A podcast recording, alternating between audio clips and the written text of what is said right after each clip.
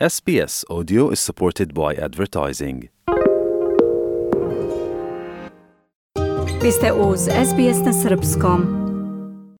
Izraelska i palestinska dijaspora u Sidneju i Melbourneu kao i u gradovima širom sveta nastavili su sa održavanjem odvojenih demonstracija zbog ratnih sukoba u pojasu Gaze. U nedelju popodne na Sidnejskom Martin Placeu okupilo se više hiljada ljudi kako bi izrazili solidarnost sa Izraelom. Oni su nosili fotografije preko dve stotine dece, žena i muškaraca koje su Hamasovi militanti uzeli za taoce u napadima 7. oktobra. Simona, jedna od organizatorki protesta u Sidneju, poručila je da demonstranti neće mirno sedeti sve dok taoci ne budu vraćeni svojim kućama.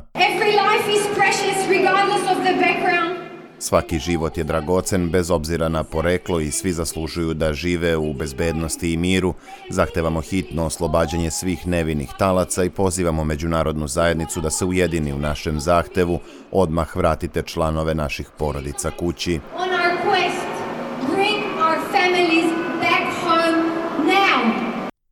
Za to vreme organizacija Cionizam Viktorija procenila je da se oko 2000 ljudi okupilo u Caulfieldu na jugoistoku Melburna kako bi uputilo poziv na hitno oslobađanje talaca.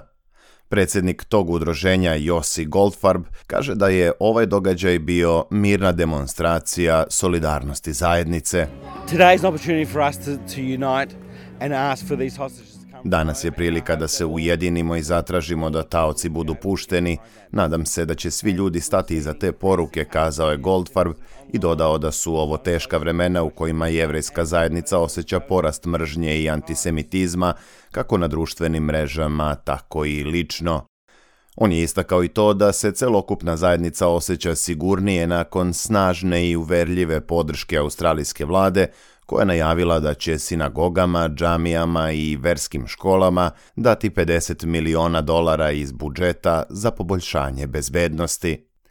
Skupu u Caulfieldu prisustvovali su i liberalni poslanik u parlamentu Viktorije David Southwick i savezni poslanik Josh Burns iz laborističke stranke, koji je istakao da su mnogima srca slomljena zbog sukoba na Bliskom istoku.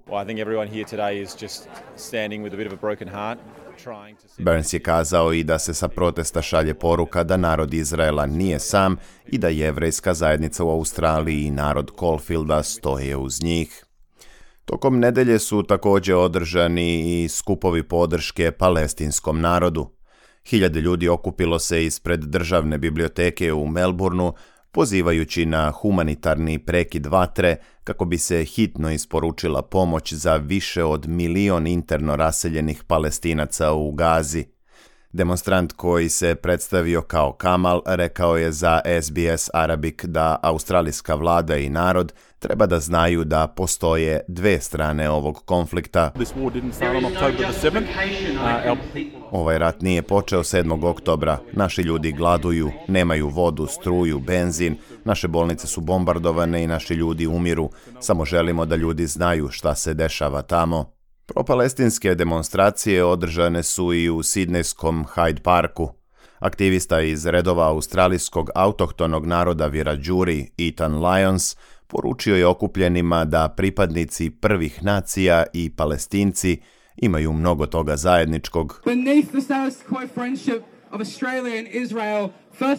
Lyons je rekao da pored postojećeg prijateljstva Australije i Izraela, Australijanci iz prvih nacija i palestinci su povezani kroz zajedničku istoriju borbe protiv kolonijalizma, genocida i ugnjetavanja.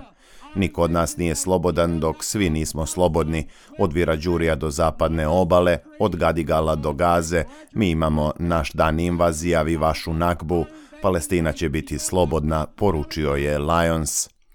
U međuvremenu o stavu zvanične Australije prema sukobima na Bliskom istoku govorio je lider stranke zelenih Adam Band.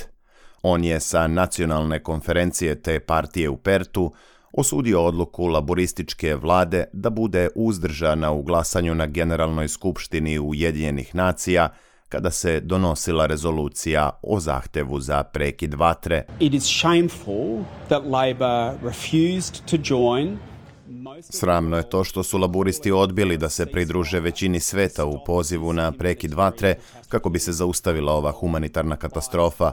Odbijajući da pozovu na prekid vatre, laburisti će snositi određenu odgovornost za ono što će se dalje dešavati, kazao je Band. Rezolucija Generalne skupštine Ujedinjenih nacija usvojena je sa 120 glasova za, uz 45 uzdržanih, među kojima je bila i Australija. Protiv rezolucije glasalo je 14 zemalja, uključujući Izrael i Sjedinjene američke države. Autor ovog izveštaja je Penry Buckley iz informativne redakcije SBS-a. Vi slušate program na srpskom, ja sam Branko Cvetojević.